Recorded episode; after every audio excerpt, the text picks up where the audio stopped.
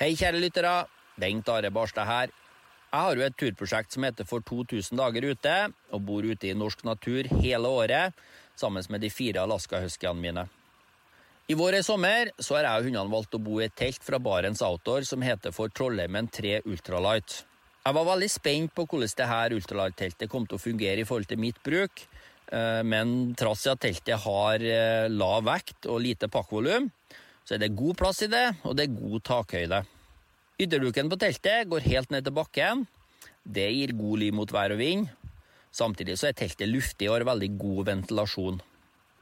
Nå har jeg og hundene bodd i teltet i ca. 80 døgn, og jeg ser ikke noe sånn spesiell forskjell i slitasje mellom ultralight-serien og classic-serien.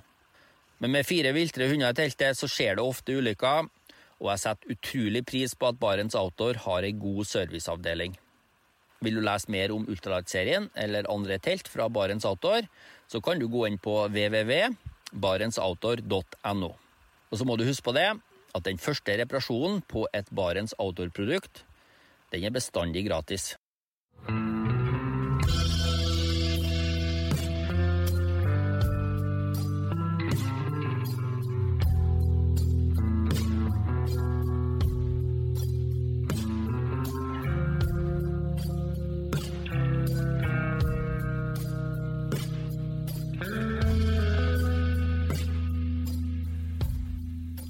Hei og velkommen til podkasten Uteliv.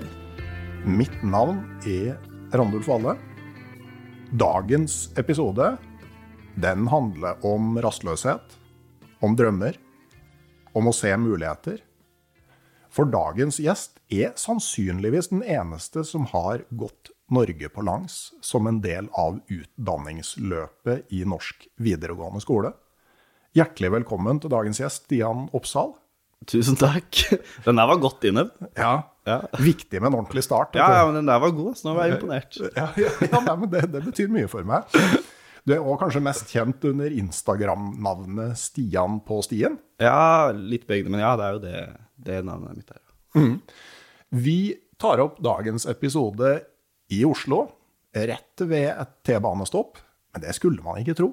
For vi sitter liksom i våningshuset på det som egentlig framstår som en sånn ganske staselig gård, og skogen er nærmeste nabo. Ja. ja, det er jo en veldig stas fjord, men det er jo ikke noe Altså, alle jordene og sånt har blitt gjort om til blokker. Så vi har jo gjerder rundt her, men idet du går bak gjerdet, så ser du liksom bare blokker og barnehager og T-banen og sånt. T-banen går jo rett under her, vi hører den jo. Så det er ganske unikt. Ja, Men du er vokst opp her, på en gård her, rett, rett ved Østmarka. Ja. Og det har forma meg ganske, tror jeg. Ja, de fleste formes jo av oppvekststed og oppvekstmåte, men det passer jo veldig bra eh, i og med at jeg alltid starter med å spørre har du hatt en fin tur eller naturopplevelse nå i det aller siste?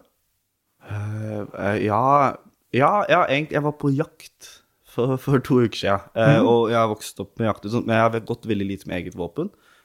Tok eh, jaktprøven først i fjor, så det er litt, litt treig der, litt flaut. Men eh, jeg var på jakt med, med, på rådyr med en gjeng som heter Wildex ute i Groruddalen. Og de kaller seg selv eh, jaktlaget som gjør granskogen svartere. Og jeg syns det er noe av det råeste jeg har vært med på. For det er, sånn, det er skikkelig østkantgutter som snakker ordentlig kebabnorsk. Og så kommer du ut der, og hadde du møtt dem i Oslo, så hadde du aldri tenkt at disse gutta kan fyre et bål engang. ikke sant? Og så kommer du ut der, og så snakker de om type 1, 2 og 3 hagl og slike ting. Og du hører over liksom jaktradioen sånn Ole, nå jetta rådyret rett forbi posten min, altså! Ikke sant? Og det er bare sånn eh, det, er, det, er så, det ga meg så utrolig mye å se. Da. Og vi fikk jo ikke noe. Det var jo første gang de hadde vært på den jakten på seks år uten å få noe.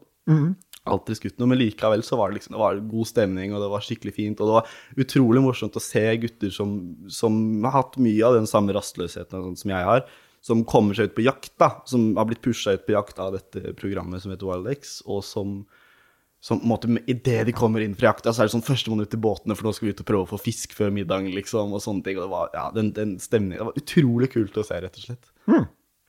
Så bra. Men uh, du er jo òg representant for på en måte friskt blod inn i, eh, inn i det miljøet av de som formidler naturopplevelser. Du er ikke noe gammel mann. Nei. Nei, vi drev jo og snakka om at du tok doktorgraden din mens jeg var ett år gammel, eller noe sånt nå nettopp. Så ja, så, så du er du er så vidt passert 20? Ja, jeg er 20. 20 og to måneder. Ja. Nei, men eh, det er jo Det må jo være en eh, liksom å se, se villmarka og mulighetene foran seg. Det er jo en fantastisk følelse. Det er jo bare muligheter. Det er bare muligheter, og, og jeg koser meg utrolig mye nå, da. Det er jo masse turer og masse planer, og sitter bare og drømmer hele dagen, ikke sant. Mm. Nyt det ungdommelige overmotet. Snart så kommer du til å begynne å eh, bli litt mer engstelig. Jo takk, jeg skal prøve, jeg skal prøve mitt beste. Men eh, la oss skru tida tilbake til eh, er rundt 2020. Ja. Da var du 17. 17 år gammel. Gikk på videregående skole på linje for medieproduksjon. Ja, stemmer. Eh, Gjort researchen din. ja. Hvordan eh, hadde du det da? Uh, Nei, altså, jeg, jeg trives jo ikke veldig godt på skole. Jeg har aldri gjort. Og, og um, ja, det- altså Videregående var jo egentlig altså Medieproduksjon var jo egentlig en linje som passa meg veldig bra. Det var mye foto og film, og det var mye hyggelige folk, fant jeg ut etter hvert, da, som jeg hadde gått der en stund. Og, men jeg hadde på en måte gitt opp på skole for to-tre år siden, og, og dette var jo også midt under korona. Og det var ingen som ble en bedre versjon av seg selv under korona, tror jeg. Nei. Så, så jeg, jeg hadde nok eh, Jeg tror jeg hadde mista en del av, eh, av det Den eh, Hva skal man si Hva heter den, sorry. Eh, utholdenheten, da, som jeg hadde med skole. Altså, for meg så har alltid skole vært sånn at jeg dukker opp klokka ni, og så må jeg stå i planke i seks timer helt til jeg kan dra igjen. Det er litt sånn som det alltid har føles. Og så, eh, og så kom jeg på videregående hvor det egentlig var masse gode lærere, og det var masse gode folk rundt meg, men så bare så jeg ikke dette, for jeg hadde gitt opp på norsk skole for lenge siden, ikke sant? Eh, Og, eh, og jeg skulka veldig mye. Jeg, når jeg skulka, så dro jeg jo på tur ut i Østmarka og Nordmarka, som jeg tror ikke de fleste som driver og skulker skolen gjør. Og jeg hadde på en måte, jeg hadde mye gode kompiser rundt meg, men det var jo også gutter som skulka, og som, som ikke helt funka på skolen. Så, så jeg var vel egentlig på en plass ganske langt nede. Jeg så vel ikke så mye lyst på framtida, men så hadde jeg dette et Norge på langs som jeg skulle få gjennomført, da. Det var Ja. på en måte det ene. For, for du hadde ganske, fra, ganske tidlig av, siden du var 13, en litt sånn altså En drøm om å gå Norge på langs. Men, men altså, hvor, hvor kom den fra? Det kan jeg ikke si. Altså, jeg, vet, jeg, jeg, tror det var at jeg så en eller annen på TV som gjorde det. Men jeg, jeg har egentlig ikke så mye peiling. Jeg vet bare at når jeg liksom gikk på ungdomsskolen, så var det noe jeg sa høyt, at liksom jeg skal gå Norge på langs. Eh, og, og målet var jo egentlig å gjøre det som sånn 14-15-åring, men mamma og pappa klarte å snakke meg ut av det. da, men, men så var det bare jeg skal gjøre det så kjapt som mulig. Jeg skal gjøre det liksom neste år og neste år, og det var alltid snakk om det. Og så kom jeg inn på videregående og var jo drittlei skolen og sånt. og og hadde jo egentlig, jeg hadde veldig lyst til å droppe ut. Jeg var, altså, jeg var egentlig veldig ferdig med skolen. Jeg var ferdig av å dukke opp på et sted som jeg ikke følte at jeg ikke fikk noe ut av hver eneste dag, og gikk jo til, til læreren og sa nå, jeg, nå orker jeg ikke mer. Nå har jeg Nå tror jeg at jeg dropper ut. Jeg har veldig lyst til å gå den turen, jeg har lyst til å gå på tur, men, men nå, nå dropper jeg ut. For jeg, det, jeg klarer ikke å gjøre dette på en sommerferie. Også, også og så i stedet for å bli møtt av den derre Nei, du kan ikke droppe ut, skjerp deg, fokusere på skolen, som jeg trodde jeg skulle bli møtt med av han læreren, da, så så ble jeg jo møtt av en litt sånn der Oi, du skal gå Norge Så utrolig kult, men kan vi ikke prøve å møtes nå her, da? Og, og de visste jo at jeg likte å gå på tur. Jeg hadde jo skulka skolen og gått på tur, og, og det ble jo en litt sånn greie at, at jeg nesten fikk lov til å skulke skolen og gå på tur så lenge jeg leverte en video eller et fotoprosjekt i etterkant, ikke sant? Så det var jo ikke skriftlig at det var helt greit, men, men litt sånn muntlige avtaler på at jeg, når jeg trenger den, den fritiden og trenger å komme meg litt ut, så kunne jeg gjøre det. Uh, og så hadde jeg jo da et ganske greit, hvis man skal kalle det et portefolio, av arbeidet jeg hadde gjort i skoletid med å gå på tur, og, og holdt jo en, en presentasjon for ledelsen som egentlig bare avslutta med enten så gir dere meg fri til å gå Norge på langs, eller så tar jeg meg fri til å gå mot Norge på langs og må ta andre VGS på nytt, på en måte. Um, og fikk, endte jo da faktisk opp med å få det, det er feil å si at det var fri, fordi jeg måtte jo bare gjøre alt av eksamener og prøver og sånt to måneder tidligere. Eh, og, og sparte jo på en måte opp disse medietimene, da, sånn at jeg kunne ha de uh, disse siste 30-40 dagene før sommerferien, og, og gikk jo og begynte da å gå på Norge på langs, da. Men det, det, står respekt av det fra på en måte lærere og ledelse, for jeg tror for dem òg så ville, er det mye enklere å forholde seg til at alle går gjennom den samme helt identiske kverna. Altså, De lager jo ekstra arbeid for seg sjøl. Er du gæren? Og det, det, altså, det er jo spesielt én lærer som skal ha Kjersti Nordmann, som er altså, den mest utrolige læreren jeg noen gang har møtt. Og, og, det høres kanskje ut som et engangstilfelle at hun ser meg og lar meg, men hun ser hver eneste elev hun har, som en mm. individuell person. og hun gir dem helt ekstreme muligheter. Og det er liksom ikke bare meg, det er veldig mye folk som gir gode muligheter. Og, og så var det vel litt sånn De så jo at jeg, jeg, var ikke en idiot, da. For første gang i livet så var det på en måte en lærer som så at jeg ikke var en idiot, og, og skjønte at, at, jeg bare måtte liksom få lov til å lære ting på litt min måte. Jeg måtte mm. få lov til å liksom kanskje skrive den norskteksten om, eh, om reinsflokker, da, istedenfor om eh, nynorsk eller Ivar Aasen eller et eller annet sånt. Eh, og, og, skjønte jo på en måte at, at, jeg hadde et veldig stort interessefelt som kanskje ikke helt klasja så godt med skolen, og prøvde heller å blande de to istedenfor å, å si at du må gjennom dette A4-systemet. Mm. Det er veldig prisverdig. For det, for det, er jo sånn, ikke sant, i mye spesielt i grunnskolen, at uh, en måte, hvis du ikke er god på det som skolen tilbyr, så får du jo ikke drive med det du er god på. Du får bare mer av det du allerede ikke fikser. Ja, så er det jo ikke bare det, men det er jo det at, at når du på en måte for det første er en gutt som har litt for mye energi, og det er jo som oftest gutter som mm. har litt for mye energi, det er jo mye jenter òg, men, men, nå kan jeg bare snakke for gutta, og, og når du da på en måte ikke klarer å sitte stille på skolen. Og så Jeg sliter veldig skriftlig. Sliter, og nesten alt på skolen er jo skriftlig. Mm. Eh, og du sitter på en måte bare og ser ut av vinduet og skulle ønske du var der. I tredje klasse så hoppet jeg ut av vinduet, og vi var i andre eller tredje etasje. Mm. Liksom, og jeg kom meg unna, men han skulle hoppe etter meg, brakk det ene beinet, og det var Ja, men eh, eh, og det var liksom sånn, det var alltid liksom og, og, jeg husker den der konstante følelsen på ungdomsskolen, at jeg alltid følte at jeg var i problemer. Jeg gikk alltid rundt og var sånn Herregud, nå kommer det en lærer som skal kjefte på meg for et eller annet. Eller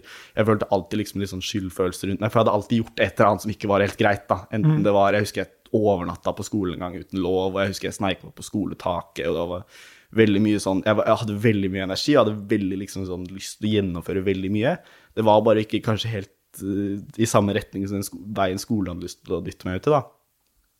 Uh, og så får du ikke noe mestringsfølelse, da. Og det er kanskje det jeg altså Eneste grunn til at jeg tror at jeg ikke liksom havna helt ut på skjøret, var jo fordi jeg hadde dette friluftslivet hvor jeg liksom Jeg fikk til å fyre bål, ikke første gangen, men på tiende forsøk, da, tiende mm. natten ute med frysing, så får du til å fyre bål etter hvert. Og, og, jeg fikk til på en måte å henge opp den tarpen, eller å, å få den fisken, eller altså alle disse tingene som ja, kanskje ikke kan virke som de er så vanskelige, men så begynner du å gjøre det, så skjønner du at ja, friluftsliv er ikke så lett som man skal ha det til. altså. Nei, det er vel med det som er mye annet, at for de som er vant til å gjøre det samme med familien, så er det et lite sjokk når det ikke er mor som uh, gjør de tinga. Definitivt. Og så begynner du plutselig å kjenne at faen, jeg skulle kanskje ha fulgt med når fatter'n fatteren fyrte opp det bålet. Åssen faen finner jeg Tyre igjen? Ikke sant? Sånne ting. Mm. Ja. Eh, men, men, det er jo ikke sant, altså, det var jo som du sier, altså, du fikk jo ikke fri fra skolen. Altså, det, det var jo Norge på langs blei et medieprosjekt. Stemmer. Men, men, det er også en helt annen måte å lære på. ikke sant? Altså At du, du, har et prosjekt du skal gjennomføre, og så må du sette deg inn i det du trenger å kunne for å få til det. Ja, og så Jeg gikk jo yrkesfag, mm. og det er jo kanskje en av grunnsteinene at jeg gikk yrkesfag hvor hele målet er at du skal være forberedt når du er ferdig på å komme deg ut i yrkeslivet. Mm. Og det er jo egentlig målet med hele skole, men det tror jeg skole har glemt litt. Uh, men, men, på yrkesfag så var det liksom det var grunnsteinen i alt. da, Så når jeg kom med det her, så var det bare sånn for det første så sa jeg at jeg har egentlig ikke lyst på noe hvis jeg lærlingsplass, med mindre jeg kan jobbe et sted hvor jeg kan jobbe med friluftsliv eller med tur og slike ting. Og så var det jo ganske klart at eneste måten du kan lære deg innholdsproduksjon fra, fra friluftsliv, er jo ved å gjøre det. Mm. Uh, og dette, alt var, dette liksom var jo en del av den presentasjonen som jeg holdt for denne ledelsen. Da. Og så, så da var jo egentlig greia at jeg skulle styre noen SoMe-kanaler. Og så hadde jeg litt takeovers på DNT Ung Oslo sin uh, Instagram-kanal og sånne ting. Og det var liksom sånn Eh, og hele greia skulle jo filmes, det var også en greie. Altså, du har sikkert sett eh, Monsen og de gutta der på tur når de setter opp kamera, så krysser de elva, så går de tilbake igjen, og så må de ta med kamera. Sånt. Det er jo tungt, eh, ja. og det krever jo en liten bit ekstra av energien din for hver eneste mil du går, når du skal filme 500 meter av det, på en måte. Mm, nei, og, og, det er jo én ting er når du er to, men når du da er aleine, så er det enda verre. Ja. Ja, og kanskje også når du er 17 og ikke har Altså sånn Jeg, jeg kunne jo mye friluftsliv, jeg hadde jo vært på noen langturer før, men, men jeg kunne ikke så mye som jeg kanskje skulle ha kunnet for å gå Norge på langs. Det var mye læring underveis, det var mye feiling underveis på turen også. Ja, men men det, ja, ja, for hva var, sånn, hva var friluftslivbakgrunnen din før du starta fra Lindesnes? Altså, hva hadde du gjort av noen turer med litt forflytning? Nei, jeg, jeg Skal vi se Jeg sov første natta mi ute alene når jeg var ja, i starten av ungdomsskolen. 8.-9. Jeg tror det var i 9. Kanskje til og med var i 10. At det var så sent. Og så var det liksom et ganske stort fokus på at jeg skulle gå lange distanser fra starten av. For jeg hadde jo dette Norge på langs-målet hele tida. Eh, og så kom jeg litt uti det, og så glemte jeg egentlig hele det Norge. Det handla bare om friluftsliv etter hvert. Og jeg husker den der første vinternatten min ute var jo veldig avansert, for jeg tok med meg en sommersovepose som jeg hadde fått i dåpen min. Så han rakk meg liksom opp til brystet, og så ble det åtte minus uten at jeg forventa det. Og jeg lå jo hele natta og grein, ikke sant, for jeg syntes det var så vondt, og jeg fikk ikke sove. og eh, jeg kunne jo ikke noe, så jeg stappa den jo bare full med klær, for jeg tenkte at det skulle gjøre den så mye varmere. Eh, Men det gjør den ikke. Jo, Det gjør det. ja. Det, ingen, det, er, det finnes ingen fysiske lover som skulle tilsi at det blir kaldere i soveposen at du har på deg mer klær. Ja, men Hvis det er en veldig liten sovepose, så vil jo alt pakkes litt sammen. Ja, da skal det pakkes veldig hardt. Ikke sant? Altså. Det, det, det, det, det, det er, fins ingen grunnleggende fysikk som altså jeg Bare tenker hvis du er i Himalaya og har med deg en sommersovepose når du kommer opp i høydecampen før du skal ta toppstøtet. Ja. Vil du bli varmere hvis du tar av deg dundressen før du kommer kryper i soveposen? Nei, godt, godt poeng. Jeg, og, og hvis, hvis svaret på det er nei, så er jo akkurat det samme med måte, dunjakka i soveposen på en vanlig tur. Så jeg tror, jeg tror det var ikke noe dumt. Men ja. sommersoveposen, den eh, Og sikkert et tynt, gammelt underlag. Ja, ja, samme linjelag som jeg bruker i dag, faktisk. Men, eh, og jeg hadde jo ikke noe dunjakke og sånt, jeg brukte jo bare liksom ullundertøy og en hettegenser eller noe greier. Men, men eh, bare det som er interessant, altså, er jo at likevel så fortsatte du. Hvorfor det? Ja, jeg kom hjem fra den turen. Det er jo morsomt, tullehistorie da, men jeg kom hjem fra den turen, og så kom jeg på skolen dagen etterpå, og så forteller jeg kompisene mine faen, jeg ser som et helvete ute i, i, natt, Altså, Og, så, og så sier han ja, men du, jeg har en sånn gammel sovepose som fatter'n er fra Forsvaret eller noe. Og jeg hadde sagt men nå skal jeg aldri dra på tur mer denne vinteren. Eh, Men jeg har en gammel sovepose som, eh, som, eh, som fatter'n er fra Forsvaret eller noe. Så, så jeg tror jeg kan låne den neste helg, eller? Så stakk jeg liksom neste helg opp til akkurat samme leiren da, og liksom overvintra der. Nei, ikke overvintra, men overnatta der. Og, og på en måte mestra det, ja. Igjen, da, når jeg egentlig først hadde feila. Og det tror jeg var en stor, stor oppnåelse for meg, da, spesielt når jeg på en måte ikke har mestra så mye tidligere. Ja, men jeg tror òg altså det at man faktisk gjør det en gang til. og så du ser, uh, Det går igjen med så mange. altså Jeg har opplevd det sjøl. Første vinternatta mi ute var på et tynt liggeunderlag og en sånn gammel Ayungilak Iglo-sovepose som ble kjøpt til meg for noe penger da jeg var bitte liten, og som var helt utilstrekkelig. Eh, og det var en forferdelig natt. Jeg husker jeg våkna, det var mørkt. eh, og jeg, tenkte jeg håper klokka kanskje er sånn fire, i hvert fall tre, så det ikke er så lenge til sola kommer og vi kan stå opp. Og så var den halv elleve. Ja, da har du en lang natt foran deg, altså. Ja. Men så hører jeg jo, ikke sant Altså Helge Ingstad, uten ytterligere sammenligning, da. Han fikk jo en sovepose som han dro opp på et av byfjella i Bergen. Fikk den til jul, dro på dit og frøys som bare juling. Han ga seg ikke for det. Nei, okay. Og så Odd Eliassen, første nordmann på toppen av Mount Everest, og først, med første laget opp Trollveggen og alt mulig av sånne turer. Ja. Uh, lagde nettopp en episode med han. og Han eh, eh, sier liksom første vinternettene rett og slett bare frys noe helt forferdelig. Så jeg tror det er et sånn grunnleggende skille altså mellom eh, For mange har ei dårlig første natt ute, og for noen blir det den siste. Og for andre så fortsetter man bare av en eller annen obskur grunn. Ja, så tror jeg det har litt med den erfaringen altså sånn, jeg, jeg sier jo at det er min første natt ute alene, men jeg hadde jo vært på ukestur inn i Femundsmarka til og med med fatter'n med kano, ikke sant? Men da var det jo bare fokus på den kosen. Altså da var det gullvafler ved bålet og egg og bacon til frokost, ikke sant? Så jeg tror når du har den litt i ryggen, så, så det, og så kommer du hjem, og så veit du ganske med en gang hva du har gjort feil, da. Jeg fikk jo ikke til å fyre bål heller. Jeg husker jeg gikk jo langt ut i en myr, så jeg ble jo klissbleit opp til livet. Så jeg gikk jo inn i den natta med helt feil grunnlag.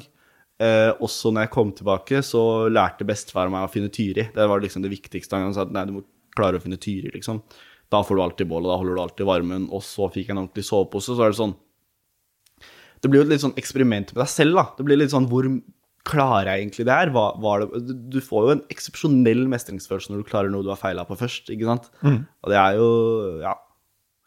Ja, det, det er det. Men, så du er jo liksom for alderen ganske godt rusta, men, men samtidig så Så du, du er fortsatt bare sånn 17 år når du starta aleine på jeg, Lindesnes. Ja, på Lindesnes, da var jeg 17, ja. Ja. Stemmer. Sånn, du har vært en del på tur, men samtidig, i forhold til en del av de som er ti år eldre når de begynner å gå, så er det klart at uh, Ja, da har jeg nok en bitt mindre erfaring, ikke bare med tur, men også livserfaring, da. Ja, men, eh, men samtidig, altså, husker du liksom da du starta fra fyret der, altså hva tenkte du? Oi, um, jeg, jeg hadde kjørt ned eh, Natta før så hadde jeg sittet oppe hele natta og pakka disse depotene og alle greiene der. Uh, og så kjørte vi ned. Jeg fikk jo ikke sove natta liksom, på vei ned dit heller, så jeg gikk jo med veldig sånn søvnunderskudd når jeg starta, for jeg var så nervøs. Og så fulgte broren med meg de første kilometerne, og så kom mamma og henta han, og så begynte de å kjøre vekk. Og så husker jeg de kjørte liksom Tenkte, tenkte ikke noe over at de kjørte vekk. Bare, nå skal jeg på tur, og så kjørte de rundt, og så idet bilen forsvant, så fikk jeg helt sånn Å, fy faen, altså! Nå, nå snakket jeg, og begynte jeg å tenke sånn, hver, hver kilometer de kjører vekk nå, så er jeg lenger vekk fra dem alene på tur enn jeg noen gang har vært. Og foran meg så ligger det 150 dager med tur, hvor jeg kommer til å være helt alene og må klare meg helt selv. Og da er det jo noe med den her altså, Du hører det jo 100 ganger, men du kommer jo ikke på når du virkelig trenger det. da, At du ikke skal tenke så langt frem. For da er du jo helt i panikk når du begynner å tenke sånn. Ja, de første dagene på en sånn langtur er det veldig lett å tenke helt til en Ja, men, men så jeg tror Så tror jeg også at jeg var så liksom Altså, de ukene før jeg dro, så skulle jeg fullføre alle eksamener og sånt, og, så jeg var så sliten når jeg starta, så det var litt sånn digg å få de fulle nettene og alt mulig sånt, så, så for meg så var det nesten et litt sånn skritt opp. Eh, og så tror jeg at det er noe i det at, at eh, Altså For meg så er en dag i Norge på langs himmelen i forhold til en dag på skolen, liksom. Selv den verste dagen på Norge på langs var et friminutt i forhold til en time, på en måte. Så, så, så for meg så var den overgangen Det var tungt de første ti minuttene, og så begynte jeg å skjerpe deg, Stian. Bare klar deg bort til tre der, klar deg bort til den neste leiren, klar deg to dager frem, så går det greit, liksom. Eh, og så må du bare komme deg opp på fjellet så kjapt som mulig. Ja, for at eh, starten på Norge på langs er jo litt sånn asfaltrally. Ja, og det er jo ikke, jeg er jo ikke den første som går en tur her. Alle vet jo at, at det er jo, eller de fleste vet jo at det er jo noen, noen Jeg starta veldig treigt, så det var jo to uker med asfalt før jeg kom meg opp på fjellet. Ja, de som starter veldig fort, de har jo en tendens til å få beinhinnebetennelser og eh, problemer som de i beste fall blir kvitt igjen i Nord-Trøndelag. Liksom. Ja. Og jeg har hatt litt problemer med det før jeg veit det gjør jævla vondt, så jeg gadd ikke, jeg gadd ikke gå på meg noe av det. Så, men eh, når du da kommer opp i heiene, altså husker du på en måte en sånn dag hvor du liksom tenker at nå begynner villmarksturen? Det var jo fordi det var ekstremt mye snø. Så det var jo ikke mulig å komme seg opp i heiene der jeg planla uten ski. Eh, Så jeg gikk jo enda en uke på asfalt lenger enn det jeg planla, og så gikk jeg liksom noen sidedaler, for da var jeg så lei, så da var jeg, nå går jeg heller liksom ti kilometer fra veien, da.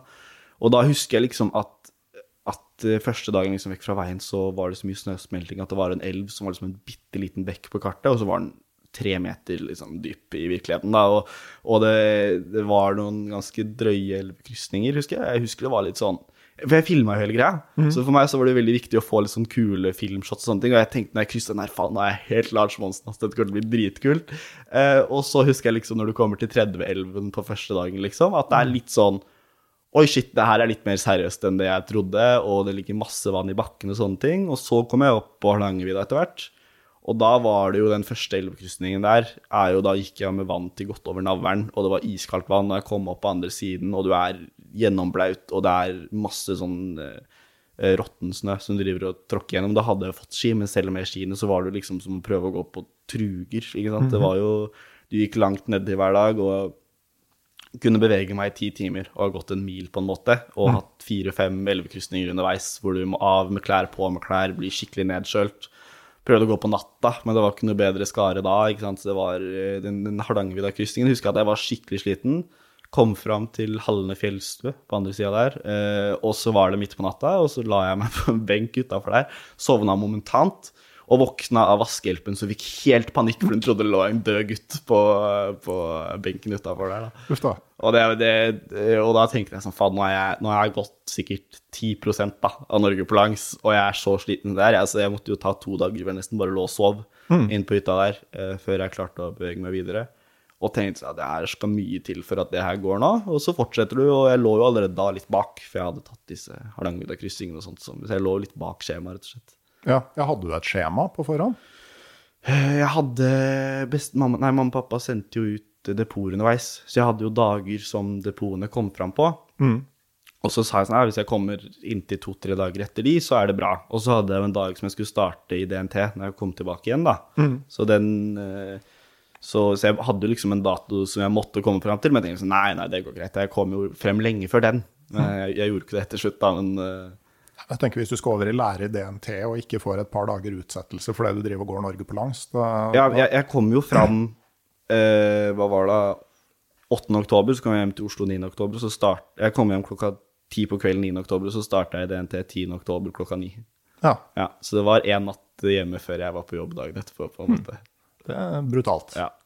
Eh, Men eh, det, er klart, altså Det er jo noe med sånne lange turer at du ofte kan komme borti de årstidene og forholdene du normalt unngår da, på tur. For du, hvis du skulle gått over Hardangervidda, så ville du Hvis det bare var en vanlig tur og du skulle over Hardangervidda, så hadde du dratt et annet sted, ikke sant? Hvis det ikke var for at det var en del av Norge på langs. ja, og så er det jo noe av det som er det herlige òg, da. At du Ja. får liksom de der endringene. Du får se snøsmeltinga og når isen bryter opp, og du får liksom Du får den overgangen til sommeren, og så på slutten så får du en overgang til høst igjen, da, som kanskje ikke er så, så herlig, men som går likevel. Ja, Men, men også det at du på en måte blir pressa inn i områder også, som du aldri hadde oppdaga ellers. Ja, det er sånn Det er mye steder som du tenker at faen, dette burde ha vært en nasjonalpark, på en måte.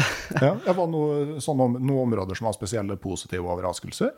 Rett når jeg har gått gjennom Rondane, rett nord for Folldal, oppi liksom heiene der, var det utrolig mye bra fiskevann og fiskeelver, og jeg veit ikke hva området Jeg vet ikke om det har et navn engang. Men det var bare sånn, det var sånn område som jeg tenkte sånn, hit må jeg bare tilbake til, ass. Det gikk mye veier inn der også, dessverre. Ja, Men ja Folldal, hvor gikk du videre enn da? eh, da gikk jeg rett nordover. Ja. Havna du over til Kvikne eller noe sånt? Eller Å, stednavn, da. Eh, nei, jeg havna østover mot Røros? Eller? Nei, ikke østover. Er ganske rett nordover, over til den der eh, nasjonalparken hvor eh, de har så store gevirer. De... Forelogna? Forelogna, takk. Ja.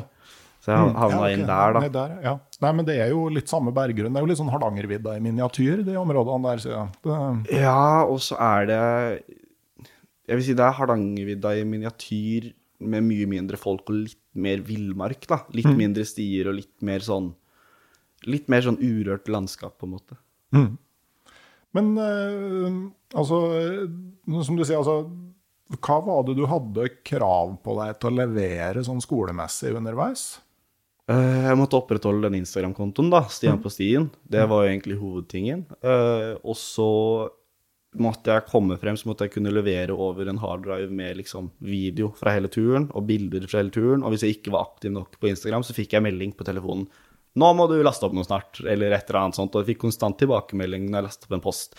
Bra post, kunne gjort om det her og det her, eller bildet var veldig fint, men kanskje litt mørkt i det hjørnet der, sånne ting, da. Hm. Så det var konstante tilbakemeldinger. Men så var det også sommerferie, så lærerne var jo ikke helt på hele tida, på en måte. Men, eh, men de følger jo med, de er jo på Instagram, de òg. Ja, Men eh, hva du hadde med av sånn produksjonsutstyr? Sånn kamera og sånn? Jeg hadde med et, et sånn veldig lettvekt Sony-kamera i den der RX-serien. Eh, Det er jo kosta jo svinmye, men det var jo en del av Jeg tror det var det som tok mesteparten av budsjettet mitt, egentlig. Eh, Nå hadde jeg jævla lite penger for å gå for, da. Men eh, så hadde jeg med et lettvektstativ fra Claes Olsson, som jeg, jeg tror jeg fikk ødela tre stykker underveis, jeg, så jeg måtte kjøpe nye. Og så hadde jeg med en mikrofon og noen mygger, og telefonen min, da, som jeg filma egentlig mesteparten med. Ja. Det er Vi gikk for liksom mest lettvekts og billigst mulig produksjon underveis, da. Ja, det er jo eh, det er mange sånn fotografer på sånn National Geographic-nivå som sier at altså, for mye utstyr det, det er egentlig bare hemmende for kreativiteten. Ja, og så er det noe med at du skal gidde å ta det opp også, da. Ja. Ikke bare når du har den lunsjpausen, men du skal ta det opp ellers også. Og jeg hadde jo et sånt der liten uh, vanntett pose som jeg hadde henka mellom liksom uh, brystreimene på sekken, sånn at jeg bare kunne knipse det av mens jeg gikk, Mm. istedenfor å måtte ta det av. Og det var jo også en ting, da, at sånn jeg måtte jo gå ganske mange turer og teste utstyr og sånt før jeg dro. Eh, Det var veldig mye ukesturer inne i, inne i Østmarka hvor det var liksom hvor, hvor kan jeg putte kamera, hvordan lader jeg batterier, hvor mange powerbanks trenger jeg, sånne ting, da. Ja, det, Jeg vet du, Børge Ausland også er jo veldig sånn mm, varm forkjemper for kompaktkamera. Sånn, eh, sånn gjerne på eh, i lårlomma på buksa, for da Ja. der svetter du ikke. Ja, nei, for nå har jeg gått over til, eh, til et litt mer avansert kamera. da. Men det er egentlig bare fordi jeg, det er, det er, jeg syns de knappene er så små, så det er mye lettere når du har de hjulene og alt sånt du kan stille på. Mm. Ja, og spesielt når du er på en måte litt mer journalist og litt mer, mindre deltaker Ja, innimellom. Så det så er det jo klart eh, det er, det er enklere å, eh, å betjene. Men skal vi se mm, ja, Hvordan på en måte samsvarte hvordan samsvarte turen med forventningene du hadde til den for, i forkant? Var det noe som blei som du trodde? Og var det noe som ikke blei det? Det var vel ikke noe som ble som jeg trodde. det. Men, Men, hva, hva hadde du sett for deg? jeg hadde sett for meg at man skulle gå i 10-11 timer dagen, og så setter du opp leir, og så går du i 10-11 timer dagen etterpå, og så setter du opp leir. Men det blir jo ikke sånn. altså Det er ikke én eneste dag som jeg ikke har en historie fra. Som ikke er noe, enten er et menneskemøte, eller at du ser den svære elgoksen ute på myra, eller at du finner det bjørnet, eller hva enn det er. Så er det liksom Og så hadde jeg sett for meg at det skulle bli ganske mye lettere. rett og slett. Det, jeg tror man alltid gjør det. Man, skal, man har alltid en forventning om at å, det er så flotte solnedganger. Og det er sikkert noen uker med regn, men det går greit. Og så kommer du inn i det, og så er det liksom sånn Det gikk fra langvidda med snøspelting til at jeg måtte ta igjen noen mil eh, etter det, til at jeg fikk de betennelsene bak, Jeg fikk jo to betennelser bak begge leggene. Og eh, kom inn i, inn i Trøndelag med masse myr, hvor jeg ble ut, skikkelig sliten. Det var liksom bare utfordring på utfordring på utfordring, da. Og så begynner utstyret å ryke, og det er, det er mye underveis der som, som ikke gikk som planlagt, rett og slett. Ja.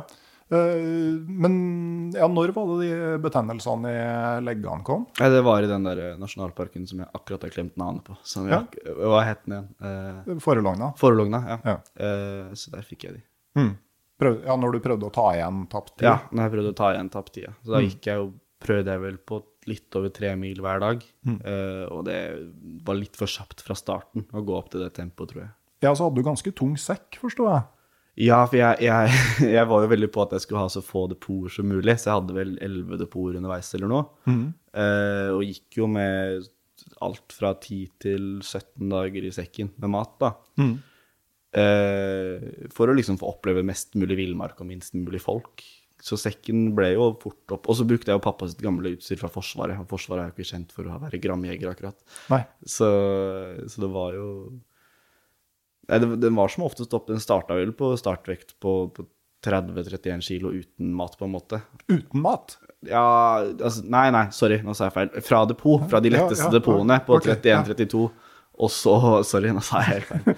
På de letteste depotene som var liksom 9-10 dager, så var vi på 31-32. Og så på noen av de siste oppe i nord hvor det er få postkontorer, så var vi oppe i godt over 40-45 på Ja. Det, og da, da, var det- da syntes jeg det var for tungt, for da Ja. var ikke sekken min lagd for det lenger. Nei, nei og, og det er jo eh, eh, Altså, da begynner du å gå veldig sakte etter hvert når du eh, Ja, og så spiser du opp mer og mer mat, da, og så går du veldig fort, fort på slutten etter hvert. Ja, eh, men du gikk tom for mat oppe i, oppe i Nordland? Ja, ja det, nok en sånn dum, dumt valg som jeg gjorde. Men jeg var, så- jeg var veldig bestandt på at jeg skulle holde meg innenfor Norges grenser, da. For det var liksom, det var bare sånn, sånn jeg hadde sett for meg at det skulle være. Kommer jeg oppi der, hvis du har vært oppi der, når du går fra Fauske til Narvik der, så har du jo liksom samme fjellene som heter Lofoten, bare inn på land. Og så er det jo ikke noe kystlinje du kan følge. så Du går liksom oppi disse fjell, eh, fjellryggene som går eh, vest, eh, vest-øst. Ja. Og så må du krysse de opp og ned hele tida, da. Og det er ikke noen stier som går nord-sør der, så du må liksom finne din egen sti hele tida. Og det er liksom sånn Jeg måtte konstant liksom drive og putte sekken min et tau og fire den ned, og så småklatre ned etterpå, og så gå liksom fem kilometer. Og da nok kan være nedpå det der Hardangervidda-tempoet hvor du gikk sånn en mil 15 kilometer daglig. Og det var mye drittvær. Det var mye kuling og, og småstormer og sånne ting som tvang meg til å senke tempoet veldig. Så jeg hadde vel planlagt 15 dager på den etappen eller noe. Som i utgangspunktet var en dag mer enn det jeg tenkte. Jeg tror jeg brukte tre uker. Litt over tre uker. Så først så rasjonerte jeg jo tre dager med mat ut i seks, og så gikk jeg tom for mat da, i to-tre dager. Jeg fikk jo litt kjøttkaker siste dagen av noen vennlige folk jeg møtte, men ellers enn det så var det liksom Ja, det, jeg gikk helt, helt tom for mat der. Mm. Hvordan, hvordan føles det? For du er jo ikke Når du har kommet så langt ut i en tur, så har du jo ikke veldig mye reserver å gå på heller. Nei, og jeg hadde vel trodd at jeg skulle få litt mer tid til fiske underveis. Så jeg hadde vel planlagt at jeg skulle fiske litt mer mat også. Så jeg, jeg, jeg gikk jo ned mye vekt, og jeg er jo ikke en gutt som har veldig mye å gå på i utgangspunktet. Eh, men eh, Nei, jeg var veldig sliten, og så det blir på en måte bare at du putter liksom dine egne følelser og smerter litt til sida for å bare Nå skal jeg bare komme fram til Narvik, så kan jeg stappe i meg så mye mat jeg kan der, da. Og så var jeg så forberedt på at jeg kom til å gå tom for mat, for du ser jo at det blir mindre og mindre mat i sekken. Så jeg tror jeg bare var litt sånn i det derre driven at ja, Du kjenner jo også den turbobla, når alt liksom bare handler om de der enkle tingene hver dag, og få ferdig de oppgavene. Så du handler egentlig bare om å prøve å få hvile så mye som mulig hele tida, da. Og så til slutt uh, kom jeg fram til Narvik, da, etter, etter tre dager uten mat. Og da var det liksom sånn Gå rett inn på nærmeste Rema, kjøpe to bæreposer med mat, og så tror jeg jeg stappa i meg én med bare godteri. Og så spydde jeg opp alt igjen. og så tok jeg det litt roligere med andre, og så kom jeg inn der, og så overraska mamma og pappa meg med å bestille et hotellrom og sånt. da, Så jeg var første natta på seng på lenge og la meg der og sov i tolv timer sikkert. Og det var jeg, jeg fikk faktisk ikke sove i senga, så jeg måtte legge meg på gulvet da, men det er jo sånn som Ja. Men, eh, men det er jo en spesiell altså, Man er jo ikke vant til i vår del av verden å ikke få mat. Nei, men jeg tror det er veldig sunt å oppleve. Ja. Jeg tror ikke bare lærer du mye om deg selv, men du begynner å putte ting litt Altså sånn, Jeg husker jeg kom hjem fra den turen, så så jeg en av kompisene mine kjøpte en bagett på Joker eller et eller annet sånt, og så kasta han den ene enden for det var litt tørr.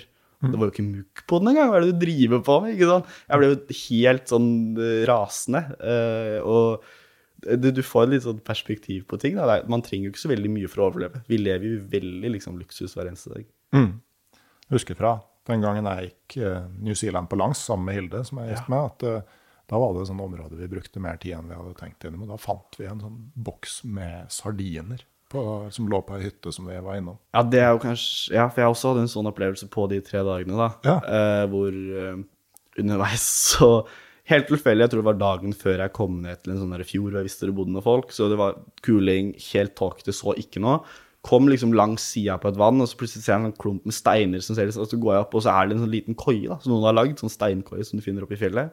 Ikke markert på kartet eller noe, veldig sånn vanskelig å finne, sånn hemmelig, hemmelig hytte-type ting, da. Kommer inn der, og det er liksom, det er, det er, det er tre, tre skap og en seng. Og en ovn. Det er liksom det som er det. Jeg tenker, jøss, for et Shangri-La. Ikke sant? Ikke noe blafring i teltduk, ikke noe blafring i duker, helt vindstille. Og så slår det meg, faen, kanskje det er noe mat i noen av de her, så jeg begynner å rive inn alt som liksom er i, og helt liksom innerst i den hjørnet så finner jeg en tube med majones, da. og det var liksom bare sånn, jeg er en skatt, da. Jeg er kjempesulten, helt utsulta. Og så snur jeg den ut, så står det at det er utgått i 1997, eller et eller annet sånt. Jeg, jeg spiste den jo likevel, men det var jo det, det, det, var, det var en stor skuffelse. Men samtidig, det var, det var kanskje en av de kulere kveldene på For det, det var så tilfeldig at den liksom bare skulle ligge inni der, da. Ja, ja det, det største skatten vi fant, var faktisk det, På New Zealand så er det vannet kommer fra taket på hyttene. De ligger ofte oppå ryggene, så det er ikke noe vannkilde rundt. Ja. Så en sånn vanntank som samler opp takvannet. Og så Ja. titta vi oppi der, og så lå det og fløyt en øl der. Ja, det er en god overraskelse, altså. da er du ganske happy.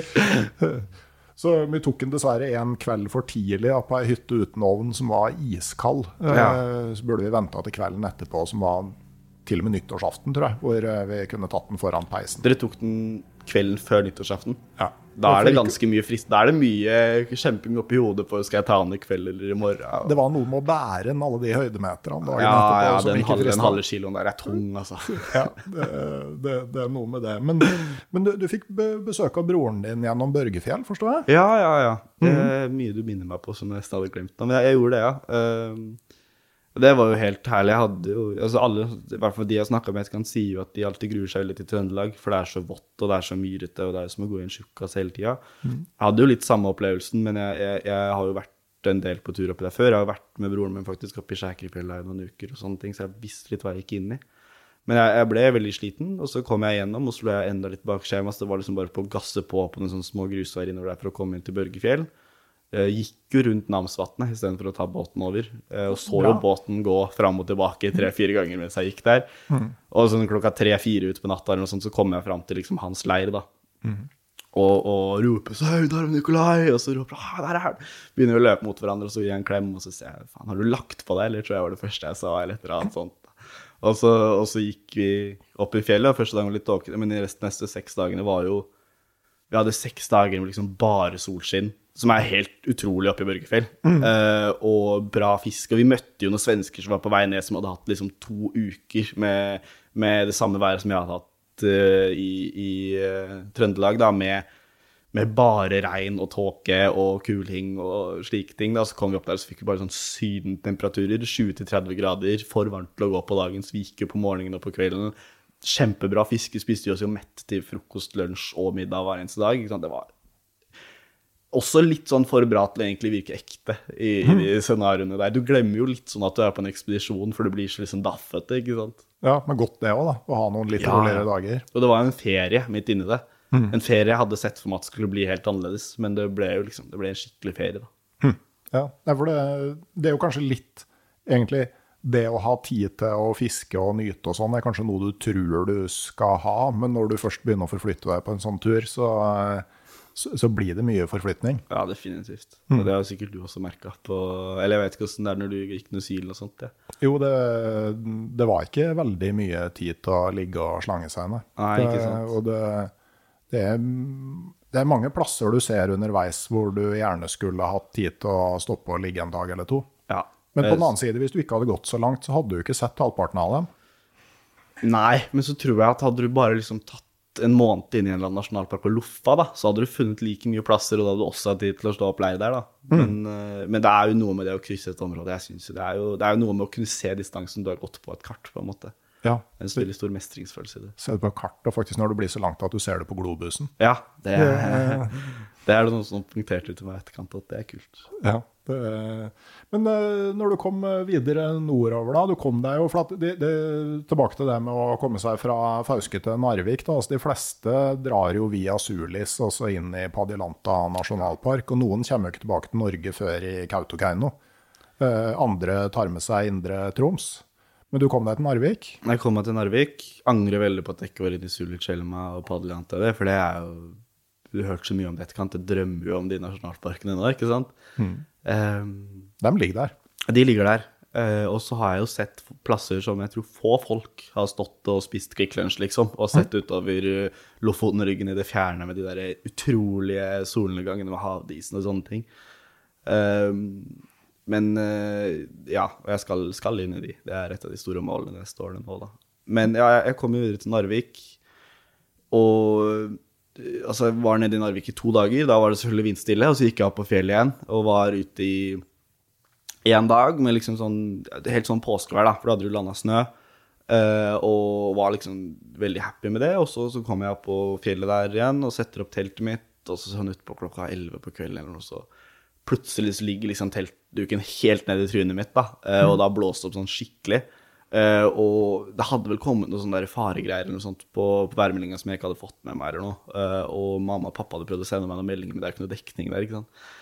Så, så jeg måtte liksom ut da, klokka 11-12 på natta og begynne å vri dette teltet, og det var flere minus, så jeg sto jo bare i underbuksa, og det var frost i bakken, fikk liksom ikke slått ned disse teltplukene og sånt da. Uh, og, og drev jo og blødde fra innsiden av begge hendene, fordi jeg hadde prøvd å slå ned disse Ja. Teltpluggene, og skjønte, for det var full panikk da. Altså det Ja. var, jeg sov fortsatt i et veldig sånn sommerlig telt, tynn duk og, og to stenger, og ikke har veldig mye sånn festningspunkter på en måte.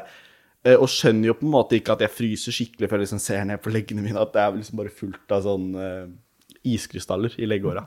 Og da begynner jeg å skjønne, og så, så går jeg inn i teltet igjen og har fått satt opp riktig i forhold til vinden, og legger meg ned i soveposen og og ser jo, altså fortsatt så slår den duken liksom helt ned i trynet mitt, og, og ser jo at det er liksom sånn, det er faretruende mye vind, og så husker jeg ikke så veldig mye de neste timene, men jeg vet at jeg plutselig kommer litt til meg selv, og da ligger jeg liksom i en liten sånn dam av spy da, i, foran i teltet. Og det var jo, det var da jeg skjønte liksom at nå må du liksom, altså, prøve å puste litt og ta det litt med ro, og, og den der lyden da, som du vet, når du slår sånn skikkelig i teltet, ja, det er jo en av de mest stressende nettene jeg hadde. Jeg husker jeg pakka jo alt inn i sekken og var liksom klar for at teltet skulle revne, da. Mm. Og var jo Ja. da, var jeg, da, da var jeg oppriktig redd, for da var det liksom Det var tre mil tilbake til Narvik, to-tre mil tilbake til Narvik. Det var ikke noe mellom der, liksom. Og i andre retningen så var det to-tre mil til liksom nærmeste sted hvor det gikk litt ned, så jeg kunne skaffe meg noe, noe ly. Uh, og husker liksom at sola står opp i seks-syv-tida, liksom de første solstrålene på siden av teltet, og den derre Ja. Og fant jo ut dagen etterpå når jeg fikk litt Det gikk jo de to-tre milene ned til, til, eh, til en sånn dal der hvor jeg kunne sette opp teltet, og fant jo ut liksom når jeg fikk inn litt dekning, at det hadde blåst opp i jeg tror det var 35 eller 40 sekundmeter. jeg. Ja, Ok, ja, det, Ja. Det, da, da merker du det relativt greit. Ja, og det var jo også det med at jeg Dette var vel i slutten av september-oktober. Uh, og jeg trodde Altså, i Oslo så er det jo ikke vinter da, ikke sant? Det er jo sommer fortsatt i Oslo. Der, så, så for meg så var det Jeg visste ikke at høsten kom så tidlig der oppe. Jeg visste ikke at vinteren kom så tidlig der oppe. Og de neste dagene var jo sludd på dagen og skikkelig sånn at du ble våt inntil beinet. Og så var det fem-seks minus på natta, sånn at du ble skikkelig kald. Og, og, og husker de der ukene liksom mot Alta. Det var tunge uker, ass. Da sleit jeg ganske mye. Ja, og det, det er jo noe som jeg prata litt om. Jeg lagde en uh, Patrion-episode for litt siden sammen med Ståle Onsøyen, hvor vi snakka om det å være på tur når høsten kommer, og når det går mot vinter. At det er jo ikke bare det at det blir ubehagelig når du kommer borti det været her. Altså, det er faktisk mer energikrevende og tyngre å være på tur når været er sånn. Med, med, når det er kaldt og det er sludd og regn. Kroppen bruker mer energi, og du, du blir mer sliten av en dagsetappe som hadde vært helt grei om sommeren. Ja, og så er det så mye tåke, så det er vanskelig å orientere, spesielt når du kommer inn på Finnmarkssida hvor det er helt flatt. da. Og det, jeg, det var så mange øyeblikk hvor jeg var sånn jeg, jeg, altså, jeg sto med et kart foran meg, jeg vet ikke om jeg står oppe i venstre hjørne eller høyre hjørne, eller hvor jeg står. Liksom. Det er helt umulig for meg. Så jeg vet jeg gikk fra det vannet der for sånn ja, Var det fem timer siden, eller var det to timer siden? ikke sant?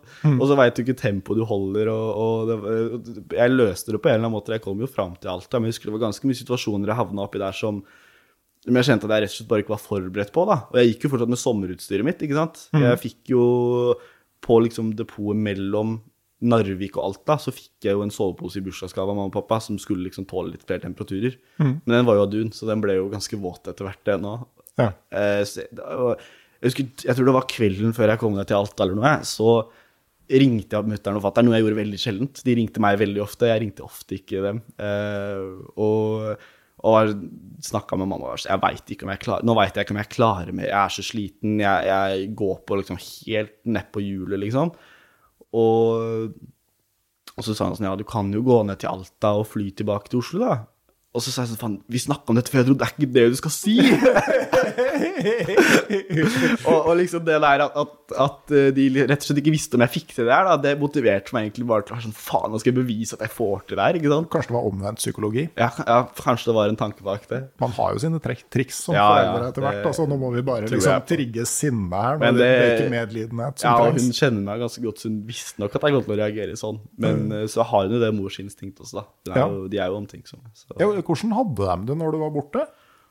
Jeg tror mut... Eh, Fattern sier han ikke var stressa, men jeg veit at han var stressa, for mutter'n har sagt det. Eh, og jeg vet mutter'n har hatt mange, mange søvnløse netter. Og, og, det er noe jeg ikke tenkte over. ikke sant? Du har ikke så veldig mye konsept om hvor mye mor og faren din elsker deg når du er 17-18 år. ikke sant? Men det er jo noe jeg har sett veldig eh, når jeg, når jeg kommet tilbake, at sånn skulle nok kanskje ha tenkt litt mer på dem underveis. For det var mange kvelder i teltet hvor jeg var sånn Å, nå er jeg for sliten til å ta telefonen til mamma. ikke sant? Jeg skulle nok kanskje ha ringt dem litt mer. Jeg skulle nok ha, ha fulgt dem opp litt mer. Men også det at de sendte ut depoter og sånn. Altså, de støtta meg 100% Og mamma har jo sagt i etterkant at jeg hadde, jeg hadde absolutt ikke lyst til at han skulle gå turen. Men jeg visste at han kom til å gå turen uansett, så da måtte jeg jo hjelpe. ikke sant? Ja, men det tror jeg er ganske sånn vanlig foreldrereaksjon. Du kan kjempe på en måte mot og stritte imot helt til det er bestemt, og så går du inn i support-team-rolle. Ja. Det På sånne ting som du ikke liker. Ja. Og, og mamma har hatt eh, Jeg tror Altså, jeg er jo en sånn type som fra ungdomsskolen snek meg ut på natta etter de hadde lagt seg for å klatre i heisekraner. Ikke sant? Det var noe jeg Ja. Jeg tror mamma har slitt Ikke slitt, men jeg tror ikke jeg har vært det letteste barnet å ha hele tida, da. Har tross alt bedre at du får gå Norge på langs enn at du skal drive og klatre i og det er det hun også har sagt, da. At sånn, det er mye be Mange som spurte henne på ungdomsskolen altså, hvorfor lar du din 13-14 år gamle sønn stikke ut og sove alene i 10-15 minus, på en måte. Det er bedre det enn at han stikker ut på byen, liksom. Det er bedre det enn at han stikker klatrer i heisekraner. Ja, At du liksom anerkjenner at her trengs det litt uh, Du trenger litt motstand, og du trenger litt utfordring. Og at Ja, ja. uh, det er bedre å, bedre å få deg inn på de, de tross alt tryggere måtene å ta det ut på. Ja, ja, og så, det, for meg så var det en revolusjon, liksom, når jeg tok den første natten ut i Østmarka alene. da. Det var jo en sommertur, og jeg ble solbrent, og jeg drakk ikke nok, og jeg, alle de der feilene som du gjør når du er første gang på tur. da. Men så kommer du hjem, og så har du liksom fortsatt gjennomført noe. da. Det er det som er det kule. Og du har kanskje sittet i en bålkveld når det absolutt ikke var lov å fyre bål, eh, og stirra inn i flammene. Og for meg så liksom Jeg har vært oppå de høyeste takene rundt Oslo og stirra utover liksom, Oslos lys på kvelden på nattestid, og, og det er en veldig lignende følelse i den roen du har oppå et tak, da, som du ikke har lov til å være på i det hele tatt, som det er å sitte inne i, inn i Østmarka og stirre i et bål. Ja. Jeg tror det er på det. Du tror det? Ja. Ja. Jeg anbefaler folk til å velge bål, altså. Det er ikke det. Ja, Nei, jeg, jeg har ikke Når man vokser opp eh, det, det, ja, jeg Man kunne sikkert klatra opp på noen siloer eller noe sånt i Jeg Gausdal. har klatra på mye radiotårn også, da. Ja, sånn, sånn der, de mastene. Det er kanskje ikke sånne ting man skal snakke om, det, jeg vet ikke. Jeg vet ikke. Erling Kagge var jo, har jeg jo tatt opp en episode med som snakker om når han kryssa, kryssa New York under bakken. Ja, sant. ja, sett. Gjennom sånn kloakk og det er også og- sånne ting som jeg har drevet med, da. Masse med. Sånn urban exploring, som det heter. Ja. Hvor du går inn i forlatte bunker fra andre verdenskrig og sånne ting. Og jeg tror man lærer overraskende mye av det. Altså, ikke bare sånn historiemessig og sånt, for det gjør man jo, men bare sånn det å planlegge en sånn ting, da. Altså sånn, Man ser jo for seg at å nei, du bare stikker en heiskran og klatrer opp, men du stikker der jo tre ganger før og ser liksom ah, har de sikkerhetskameraer, er hvilke sikkerhetsfirma bruker de her, sånne ting. Eller hvis du skal ned i en bunker eller et eller annet sånt, da. Hvordan kommer jeg meg inn der? Hvor er den bunkeren? Det er ikke sånn informasjon du finner lett, ikke sant? Du Nei, må det- det- researche deg fram til det og lete i gamle arkiver og sånne ting. Som er ganske unikt at jeg fikk til i en alder av 14 når jeg ikke hadde åpna norskboka mi på skolen engang. Men så var jeg nede på Deichmansk og spurte om sånne gamle arkivbilder fra, fra 1945 og sånt. Whatever it takes. Absolutt. Ja, nei, men eh, det er, det, det er mange altså, oppdagelser. Det og kommer i mange varianter. ja. Ja, ja. Og så tror jeg Altså For meg så var det bare det at jeg hadde lyst på et eller annet spennende å gjøre. da. Jeg kjeda meg sånn, så da måtte man liksom bare finne på noe. Ja, jeg tror jo kanskje at eh, Norge på langs eh, er jo noe av det mer anbefalesverdige av de bravadene her. da. Ja, ja, definitivt. Og det er også det jeg har kost meg mest med. Så det er jo Altså, livet mitt er jo to kapitler. Det er før Norge på langs og etter Norge på langs, på en måte. Ja, ja for det, bare for å ta deg til mål der, da. Det begynner jo å bli Hvis du starter i mai på Lindesnes og skal være ute i 150 dager, fem Ja. måneder, Ja. det er ganske høstlig når du begynner å komme nordover i Finnmark. Det var det jeg ikke var forberedt på, da. Jeg hadde jo ikke med meg nok klær og sånn, jeg frøs jo ja, det, det, det er ikke noe annet å si enn at det var ubehagelig, og det var min skyld at det var ubehagelig. Altså, naturen stopper ikke å være kald bare fordi du ikke har en ullgenser ekstra, på en måte. Nei. Så, men øh, Og jeg husker jo altså, sånn, jeg husker inn mot slutten der, da, så fikk jeg jo tre dager med sol. øh, og eller jeg tror det var mer enn altså, kanskje fire-fem dager med sol, liksom, innen siste halvøya ut mot Nordkapp. Um, og selv Porsangerhalvøya. Fint, Porsa- ikke sant? Ja, det er fint, ass. Fy fader. Og, og eh, lokalbefolkningen også. De, altså, det, det, jeg tror ikke jeg spiste en altså, Jeg mista jo kortet mitt og skulle egentlig hente depot i Lakselv. Så jeg kom jo ned til Alta og måtte kjøpe en ting, og så hadde jeg mista kortet mitt, så jeg hadde 200 kroner i kontanter.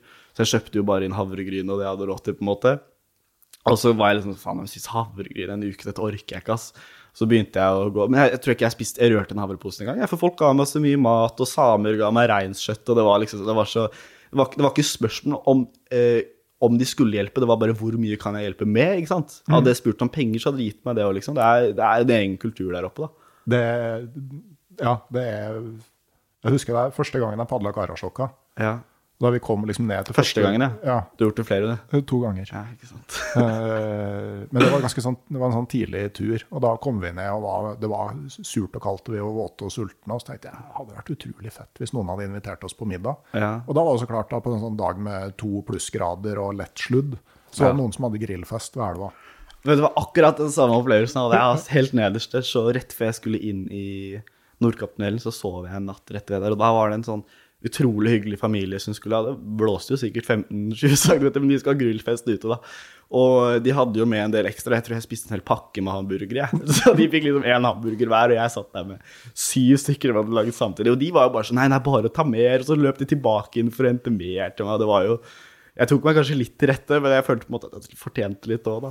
Jeg, tenker at det bare, gjelder bare å huske det når man en gang er på den andre sida i den ja, ja. situasjonen der.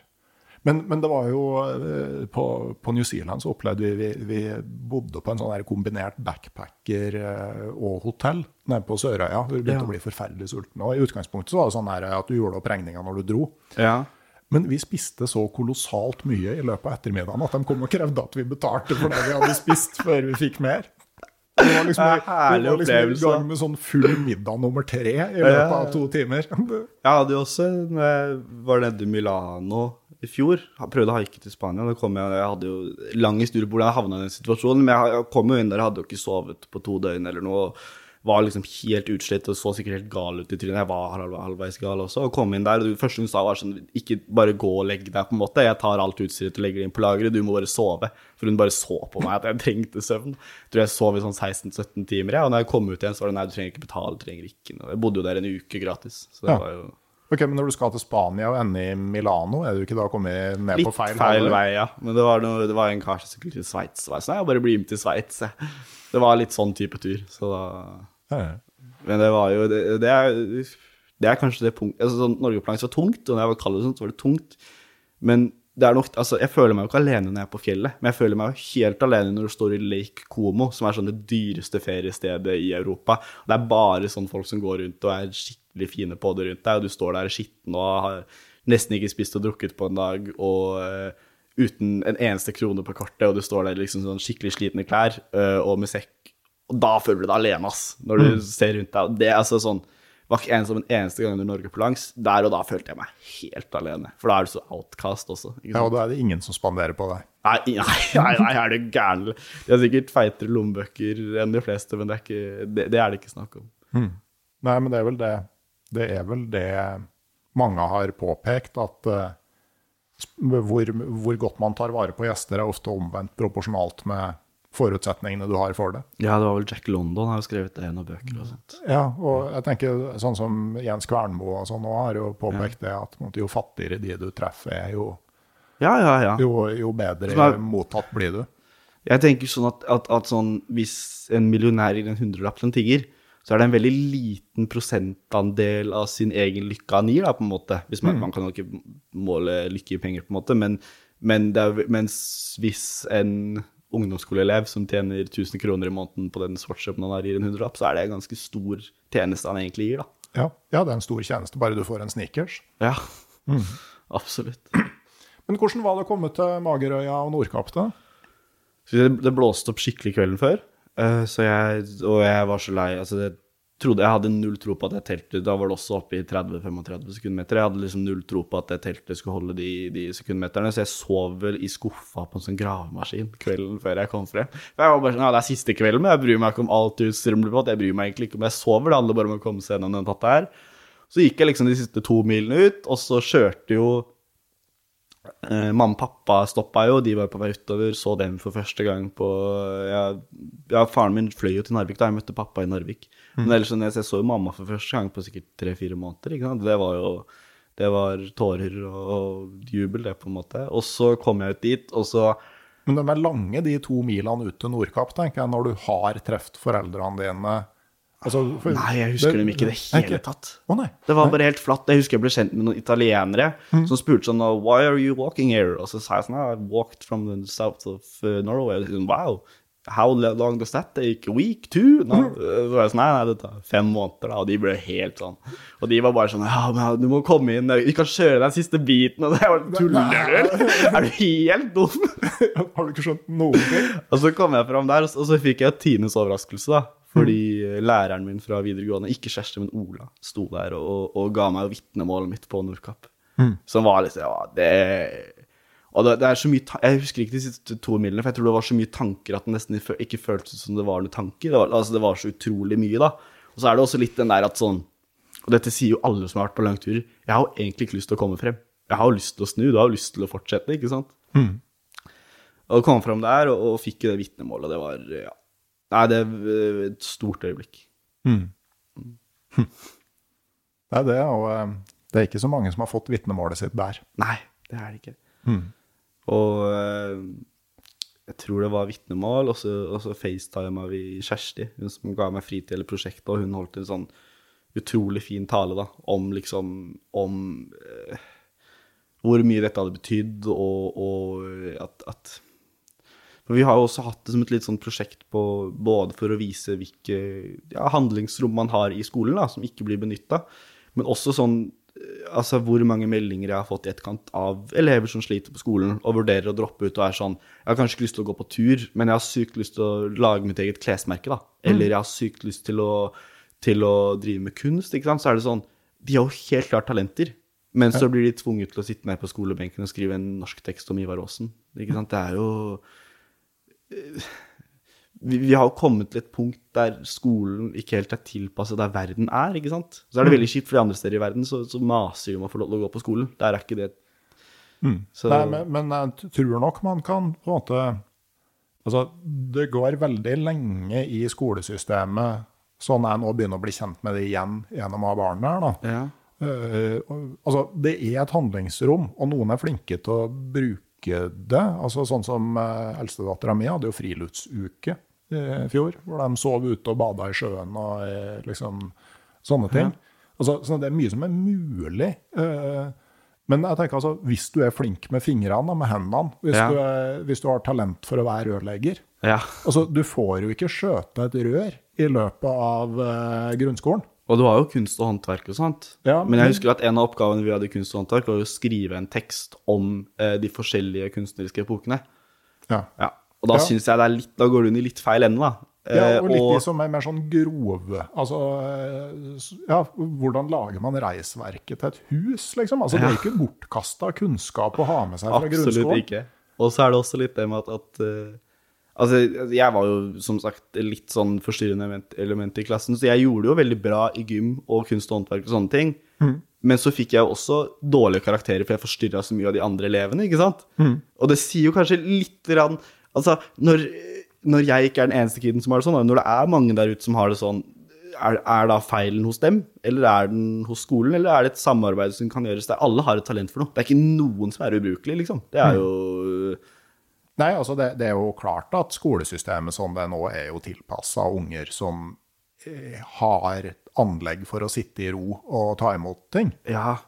Og de må jo få lov til å få den mestringsfølelsen, de òg. Ja, Men selvsagt. det er bare litt kjipt at det skal gå utover en gruppe som er veldig nyttig for samfunnet. Altså, hadde vi bare hatt skoleflinke folk, så tror jeg ikke vi hadde hatt så sykt mange som, eh, som drev med disse praktiske yrkene og sånne ting, da. Nei, men også mange grunn, også skoleflinke der òg, Mye gründere og Ja, herregud, vi ikke altså, snakke om det- gründere og- Nei, men, men det er mer det at å verdsette begge deler. Altså, det, er Mm. no, det er jo ikke noe gærent med å være teoretisk flink. Ja, og, og, men eh, men eh, det er i veldig stor grad dem skolen er rigga for. Og, og da mister du mye talent på andre. Og jeg tror jo òg, ikke sant altså, altså Mye av det du skal lære, også matte, for eksempel. altså, Ja, jeg beregna jo kalorier til Norge på langs, blant annet. Ja. Jeg visste jo ikke hva en kalori var for noe før jeg begynte på den turen. Jeg har hatt mat og helse i syv år. ikke sant? Da er det et eller annet som, som jeg lærer det i forhold til den turen. da. Ja, og Morsomt at du da liksom beregner kalorier med helt motsatt fortegn. av det, altså Her må det være nok. Ja. ja, det er også en ting, da. Det, det var vel faktisk uh, back in the days da Børge Ausland og, eh, og Erling Kagge og Da de begynte å planlegge Nordpolekspedisjonen, så ja. meldte de seg på Grete Rode-kurs for å gå opp i vekt. Hva er Grete Rodekurs? Ja, Hun var sånn slankedronning på, oh, ja. på sånn 80-90-tallet. Så de hadde sånn slankekurs. da, Så de meldte seg på eh, for å gå opp i vekt. utrolig. Jeg har også hørt om mye sånn eventyr som går på å ta pedikyr dagen før de skal gå på tur for å fikse negler og føtter og sånt. Ja. Det, hører, det høres jo ikke dumt ut, det bare er så motsigende. File bort litt. Jeg har opplevd liksom Jeg prøvde en sånn der motorisert fotfil, men gikk over til filetkniv. Ja, ok. Da begynner vi å snakke ganske tykk hud etter her Det går Altså. faktisk for seint. Ja, jeg, tror jeg har hatt den huden, jeg også. Altså, så jeg skjønner jo hva du mener. Rapala filetkniv er veldig undervurdert i fotpleie, som sånn innledende manøver. Burde få det inn i alle pedikyrsalonger, syns jeg. Ja, kanskje. Det Ekspedisjonsavdelingen har sånn vinkelsliper. Sånn klauvjern. Her er vi business i det. det. Ja, det, det er jo sånn det er marginal business, men, ja. men, men, men likevel. Men, men du, jo, du begynte jo, som du sa, i, hos eh, Turistforeningen som lærling med en gang du kom tilbake. Ja. Og, og der har du jo egentlig på en måte jobba med mye av det samme, da, produsere innhold. Absolutt. Ehm, Og jeg husker jeg starta, og første dagen så var det liksom sånn Ja, det var dagen etter jeg kom hjem, da. Eh, og det var liksom opp klokka seks, for jeg skulle rekke å klippe meg før jeg skulle på jobb. Jeg hadde jo faen ikke klippa meg på et halvt år. Klipp håret og få deg en jobb, ja. Ja, klipp håret og få deg en jobb, ja. Og dukka opp der, og og en av de mest sjokkerende øyeblikkene det var jeg fikk sånne, der, det er sånne der små, tynne papirmapper som du har ark i. Jeg Ja. fikk en sånn med kontrakten min i. Og så tok jeg tak i den, så klarte jeg å rive liksom opp. Og så var faen, den her var skjør, ass. Ikke sant? For jeg vant til å liksom håndtere kniver og sånne ting. Og alt er så skjørt i forhold. Eh, og så husker jeg at vi, vi fikk lunsj, og, og sjefen min kom inn og sa ja, nå må du ta deg en pause. Pause? Jeg var jo bare sitte. Det er jo ikke noe, hvordan kan jeg ta en pause fra å sitte? Jeg syntes det var helt herlig. Eh, og så begynte jeg der, og, og hadde skaffa meg lærling, den første lærlingen i DNT jeg noen gang har tatt inn. Eh, og det var jo også ganske stort. Og første måneden når du kom hjem, så var det jo, siden denne har den skolebiten og sånt, så, syns, så var det jo en del aviser og sånt som tok kontakt rundt det her. Eh, det er ikke det mest behagelige jeg har gjort i livet mitt, å sitte og bli intervjua og sånt, men altså, jeg tenker hvis det er én kid som får noe ut av å lese den historien, så er det jo, da har man gjort jobben sin, på en måte. Ja, og ikke minst hvis det er noen i skolesystemet som eh, evner å se en mulighet der de ellers hadde sett et problem. Absolutt. Eh, og så var det liksom, siden jeg var DNT sin første lærling, så var jeg litt sånn halvveis med å, å utvikle læringsløpet, følte jeg. Så vi, vi fant jo ut at, at jeg funker jo ikke så veldig bra hvis jeg sitter på kontoret en hel uke. Da er de siste to dagene helt bortkasta. Så da fant vi ut at jeg må liksom ut en eller to dager i uka. Og vi har jo mye hytter rundt Oslo, og vi har altså sånn, det er jo Jeg jobba jo DNT i Oslo omegn. Så det var liksom sånn en eller to dager i uka så stakk jeg på en måte ut og jeg gikk inn til en hytte i Nordmarka og tok bilder og lagde innhold på den. da, Så kunne jeg sitte en ekstra dag, og så kunne jeg jobbe med ja, mye sånn arbeid også. sånn Strukturering av sosiale medieplaner og sånne ting, som jeg syns er gørrkjedelig. Jeg jobber sikkert tre ganger så dårlig når jeg jobber med det, men, eh, men det må på en måte gjøres. Og så fikk du i tillegg sånn, litt sånn premier når du hadde gjort en god jobb, så fikk du på være med på disse kule produksjonene oppi Altså, husker, det, er, ganske sånn spesielt når du kan sitte i, i juni og oppå en vettismark i Jotunheimen med kamera i fanget, og så har du liksom sånn solnedgang mellom en masse fjell, og satt opp et par kameraer og intervjua noen frivillige, og så sier du sånn Jeg er på jobb nå, jeg. Det er ganske, det er ganske sykt, eh, Ja. syk, eh, syk ting å kunne sitte og si. Jeg hadde jo to helt fantastiske år i DNT. Ja. Ja. Nei, men det er jo så klart Når du skal være innholdsprodusent for DNT, så kan du jo ikke være på kontoret hele tida. Nei, men så var jeg litt sånn usikker på åssen de så på det. som Er det liksom en som skal rydde lageret mens de andre er på jobb, eller er det en som skal være ute og produsere og sånt, da? Og så ble det liksom en blanding. Jeg har rydda lageret, men jeg har også vært ute og produsert. Og jeg er en ganske effektiv eh, arbeider så lenge jeg får jobbe med det jeg vil. Det er jo litt sånn eh, det jeg har lært de siste to årene, da.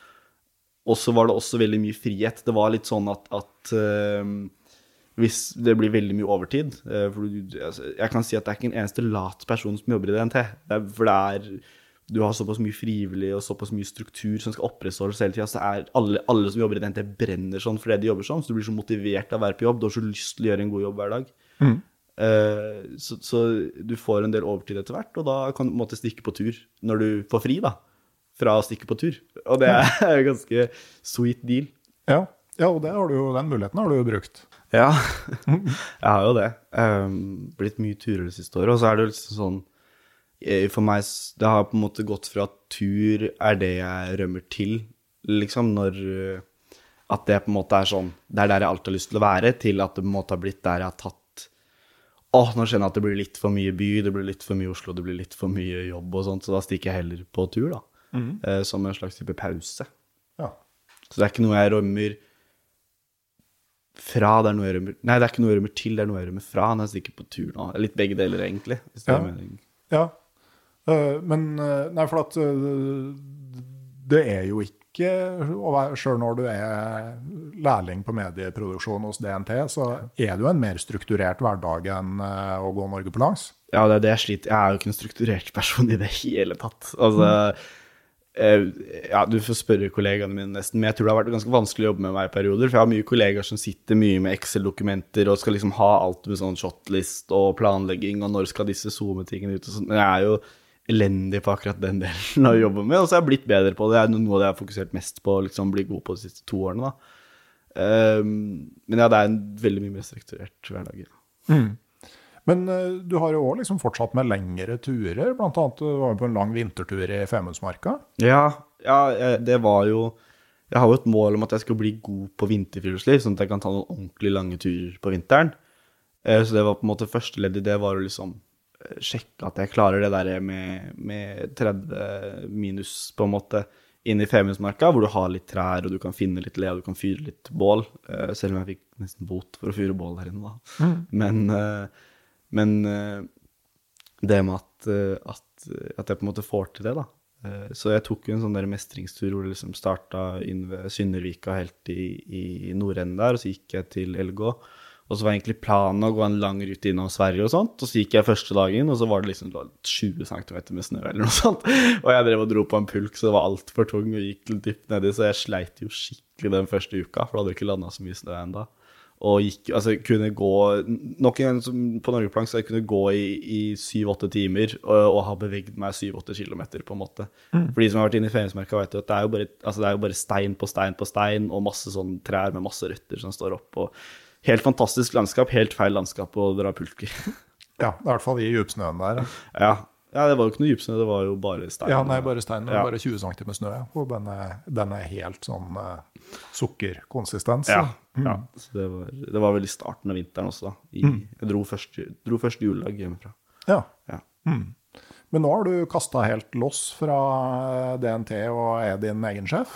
Ja, jeg, jeg jeg fikk jo Jeg besto jo sendeprøven eh, med glans, faktisk. Jeg fikk gode tilbakemeldinger på den. Ja, hva var det du leverte som svenneprøve? Jeg leverte et eh, Oppgaven var å få medlemmer i DNT Ung eh, av nye studenter. Tenkte jeg, Hva er det nye studenter i Oslo er interessert i? Jo, det er jo ting de kan gjøre, og ting de kan gjøre billig. Så det var liksom, dette er fem ting du kan fylle uka di med for 300 kroner. Og så var det, hadde jeg jo en kompis som gikk liksom rundt, så vi dro ut og kajakka. Og så gikk vi inn til et sånt stor hengebru i Nordmarka og sove på en DNT-hytte og gjorde liksom en haug med forskjellige ting. da, og hadde jo fem dager å gjøre det på. Så det var ganske sånn opplegg og satt liksom og klippa hele natta, og så var det ute og filme dagen etterpå. Og fikk jo med en kompis min til å være litt foran kamera. Og var på en måte på en guide gjennom hvor du fulgte liksom sånn Dette får du til for 500 kroner. Og så er det sånn du har filma en uke for en minuttlang video som skal gå på Instagram, da. Men fikk jo, fikk jo tilbakemeldinger om at det var utrolig bra. Og så er det liksom én ting er produktet, men du skal lage en hel kampanje rundt det, da. Hvordan promoterer du, hva putter du penger på, eh, sånne ting. Så og så skal du levere et ganske stort sånn Word-dokument med liksom eh, Dette er hvordan jeg ville gått fram, disse skal publiseres med to dagers mellomrom på disse kanalene. Eh, hvorfor bruker jeg de kanalene, jo, for det er de, den målgruppen. Altså, det er ganske mye sånn definert arbeid. Ja. Det høres ut som det her er noe jeg egentlig burde kunne. du tror det? Nei, Ja, jo, jeg tror det. mange som hører på podkasten din, da. Ja, men eh, jeg tenker sånn Kan alltid bli flere. Ja, det kan helt klart. Det er bare å leie meg inn, vet du. Ja. Må vurdere det. Men, men eh, nå, da, ikke sant. Da, skal du da driver du jo eget firma plutselig. Ja. Og, eh, Det, det med eget firma starta jo egentlig det jeg kom hjem fra Norge på langs. For jeg ble spurt første uka om jeg kunne komme og holde et foredrag på en skole. Og så sa jeg ja til det uten å vite hva et foredrag var for noen gang. Og dukka opp med en powerpoint-presentasjon og snakka litt i en halvtime eller noe sånt. Og fikk liksom bare sånn helt sinnssyke gode tilbakemeldinger da. På at dette var liksom skikkelig bra. Og fikk jo liksom med en gang noen flere bookinger, og så fikk jeg noen bookinger innom DNT om bare selve turen og sånne ting. da, og og etter hvert så var det liksom noen som begynte å spørre liksom, hvor mye skal du, hva skal du ha betalt for det. Det hadde ikke gått opp for meg at jeg kunne ta betalt for et foredrag. ikke sant? Så, så jeg, og så fortsatt, Nå har jeg sikkert holdt en 40, noe av 40 foredrag, eh, i tillegg til at jeg havna i den bransjen at jeg holder kurs, eh, fotokurs og sånt. Og så i tillegg til, og så nå som jeg er ferdig, da, så har jeg jo tatt et par sånne frilans foto- og filmoppdrag mens jeg jobba i DNT også. Og nå tar jeg enda mer av de, da. Så jeg var jo blant annet og tok bilder på Eventyraften i fjor ja, for Alexander, og det gikk jo veldig bra. Og, og nå har jeg akkurat fullført et prosjekt for DNT, da, hvor jeg har gått en tur for 500 kroner. Så jeg hadde 500 kroner i budsjett, og så skulle jeg krysse Nordmarka. ja. Så det kommer ut nå neste uke, tror jeg, på sosiale mediekanaler til DNT. Ja det, det gjorde faktisk Bengt Rotmo. Jeg gjorde noe lignende i 2007. Ja. Lagde vi en sånn artikkelserie på tur for en tusenlapp. Vi starta uten utstyr i det hele tatt, og så skulle vi overnatte jeg tror det var tre eller fire netter ute på Fosen i Trøndelag i oktober. ja, Liksom, hvordan, bruker du, hvordan bruker du den tusenlappen for å skaffe utstyr? akkurat det jeg gjorde, da. Ja. Bare starta i underbuksa og gikk på loppemarked for å finne alt mulig og sånne ting. Det er jævla flaut å prute på loppemarked, forresten, men det Ja, ja, men det kan funke. Ja, ja, ja. Jeg fikk jo prisen ned 60-70 kroner på alt, på en måte. Så det Ja, det, ja, det, er jo viktig, det, når man skal klare seg med lite. jeg, jeg fikk det til, da. Det var jo veldig gøy, for det var litt sånn eh, det friluftslivet jeg er vant til fra ungdomsskolen, er jo på en måte dette med tarp og bål og svartsjeler, på en måte. Og så var det litt sånn Det er jo det enkle friluftslivet som på en måte ligger i bunn og grunn for det meste. Så det er på en måte å gå litt tilbake til det igjen, da, vise hvor lett og billig det egentlig er å gå en tur, det var utrolig morsomt. Men hva slags større prosjekter er det du ser for deg i åra som kommer? da? Mm, Du snakker om lang skitur. Er det noe spesielt som frister? Det er mye, mye rart som frister. Eh, men nå, nå i vinter så skal jeg tre uker på vinter. Jeg er litt usikker på hvor jeg skal dra. Enten så drar jeg opp i Padeljant i, i Nord-Sverige-området der, eller så drar jeg opp i Skjækerfjella. Det spørs litt hvor god tid jeg får på det. Eh, og så er det å få dette firmaet til å gå, da. det er det jeg jobber på akkurat nå. Og så har jeg veldig lyst til å stikke til eh, Nord-Skottland, altså oppe i høyfjellene i Skottland til sommeren. Ja. I en måned eller to. Eh, bare se åssen det er der oppe. Jeg har, hørt så, jeg har hørt så mye om det, så jeg tenker at det er dit må jeg opp til. Så er det eh, utrolig mye som frister. så det er veldig mye ideer, veldig lite planer. ja. Men eh, det er jo med ideer det starter, og så Absolutt. Konkretiserer det seg ofte etter hvert. Og nå har jo faktisk eh, Jens har jo vært i Mongolia nå nylig. Eh, og jeg snakka med på eventyraften om det. Det var da jeg fikk vite Og jeg har jo hatt den drømmen om å dra til Mongolia veldig lenge. Nesten så jeg ble litt sur når han hadde vært der, for han sånn faen, jeg fikk ikke den først. Men, mm. men eh, altså, så Mongolia er et land som veldig frister, da. Men Jens er jo veldig sånn at han går inn og møter folk. Og jeg har veldig lyst til å krysse et eller annet og, og se litt på villmarka der. For det er jo mye villmark der, ass. Ja, svært land. Ja, herregud. Og eh, enkelte områder som ligner på Norge, og enkelte områder som bare ikke ligner på Norge i det hele tatt. Ser for meg liksom nedi i gode bjørkene der og sånt. da. Det er jo noe helt annet enn nord i, nord i, oppe i fjellheimen i nord der. Ja, svært land. Svært land. Sånn, eh, når man vet, Du vet jo veldig godt hvor forskjellig Norge er på eh, Porsangerhalvøya fra eh, sørlandsskogene. Absolutt. Men vi har jo mye av det samme været og vinden og mye av de samme temperaturene over hele. da. Det, Der har de jo ikke det. Der har de jo liksom sånn ekstrem tørke nede i sør og ekstrem kulde nede oppe i nord. Det blir spennende å, eh, å følge med. Eh, Tusen takk for praten, Stian Oppsal, og lykke til videre. Det er altså en novemberdag. Vi Ja. sitter i Oslo helt på grensa til Østmarka. Det er jo for så vidt fint. Eh, Men med det som kontekst så spør jeg jo som vanlig, hvis du ikke hadde vært her akkurat nå, kunne velge fritt akkurat hvor du ville vært, og hvordan situasjonen skulle være, hvor ville du vært da? I hele verden, liksom? Hele verden. Å ja, sånn, ja. Ok, ja. Ingen eh, praktiske eh, rammeforutsetninger. Altså Så jeg har ikke noen innleveringer neste uke? jeg skal ikke. ingenting. Nei, det er ah, men jeg koser meg sånn nå, vet du. Jeg digger jo frilanslivet. Fy faen, jeg har kost meg de siste ukene. Ja. Så jeg tror, ja, Men det er så jævla teit å si at jeg hadde vært her også, da. Ja, det, det er egentlig det er feigt. Det er feigt? Ja, Ok. det, det er når du har den muligheten. Altså, jeg vil være Jeg hadde her. vært, jeg hadde vært øh, i en tilfeldig uh, stamma nomad i, med nomader i Marokko. Okay. Ja, ja. Ja. For det er bare et land jeg kan utrolig litt av, så det har vært sykt spennende. ja, da De har jo den derre Dra-elven. Den har jeg sett mye på, den er kul. Hmm. Det er litt sånn hva, hva er spesielt med den? Den er bare Det er 1100 km med elv som starter nede ved kysten, og så går den opp i Atlasfjellene. Atlas, Jeg hadde vært i Atlasfjellene. Det er det der jeg hadde vært. Ja. Ja. Kanskje du skal gjenta turen til Odd Eliassen, som eh, gikk gjennom Atlasfjellene på ski, sånn på tror jeg, tror jeg på 1970-tallet. Det har jeg ikke hørt om. Nei, det, Du kan høre, høre episoden med Odd Eliassen, eller lese den nye boka til Stein-P. Han har gått For den boka jeg har hørt om, har han gjort det, ja? Ja, han har gjort det, og han har gått på ski alle de plassene hvor ingen har tenkt på å gjøre det. Han er jo bare sånn ukjent perle, har jeg skjønt. Han er veldig, veldig lite PR-kåt. Ja, det, det respekterer jeg, altså. Ja, Sånn er altså, ikke jeg. Jeg liker oppmerksomhet. det, Det er jo et bra utgangspunkt når du skal prøve å leve av det her, og ikke tømmermester som han. ja. Vi får se. Ja, ja. Nei, men eh, du, eh, du drar eh, gjennom Atlasfjellene eh, 50 år etter Odd Eliassen. Der er- har du et Ja, absolutt. Eh, Der har du det, ja. Ok, tusen takk igjen, Stian. Eh, tusen takk også til min eh, kommersielle samarbeidspartner Barents Outdoor AS. Og ikke minst takk til medlemmene i det digitale turlaget på Patrion. Omtrent 600 personer som gjennom et månedlig bidrag er med å holde podkasten Uteliv på skinnene. Hjertelig takk også til dere som følger podkasten Uteliv på Instagram og Facebook, og kommenterer og liker det som blir lagt ut. Jeg sier takk for meg fra utkanten av Østmarka. Tusen, tusen takk til deg, Randulf Valle, for at du lager denne podkasten. Er det, det må noen si. Ja, det var hyggelig at du sa det. Ser. Det var hyggelig at du sa det, og det, og det kommer da en ny episode fredag om ei uke. Ha det bra.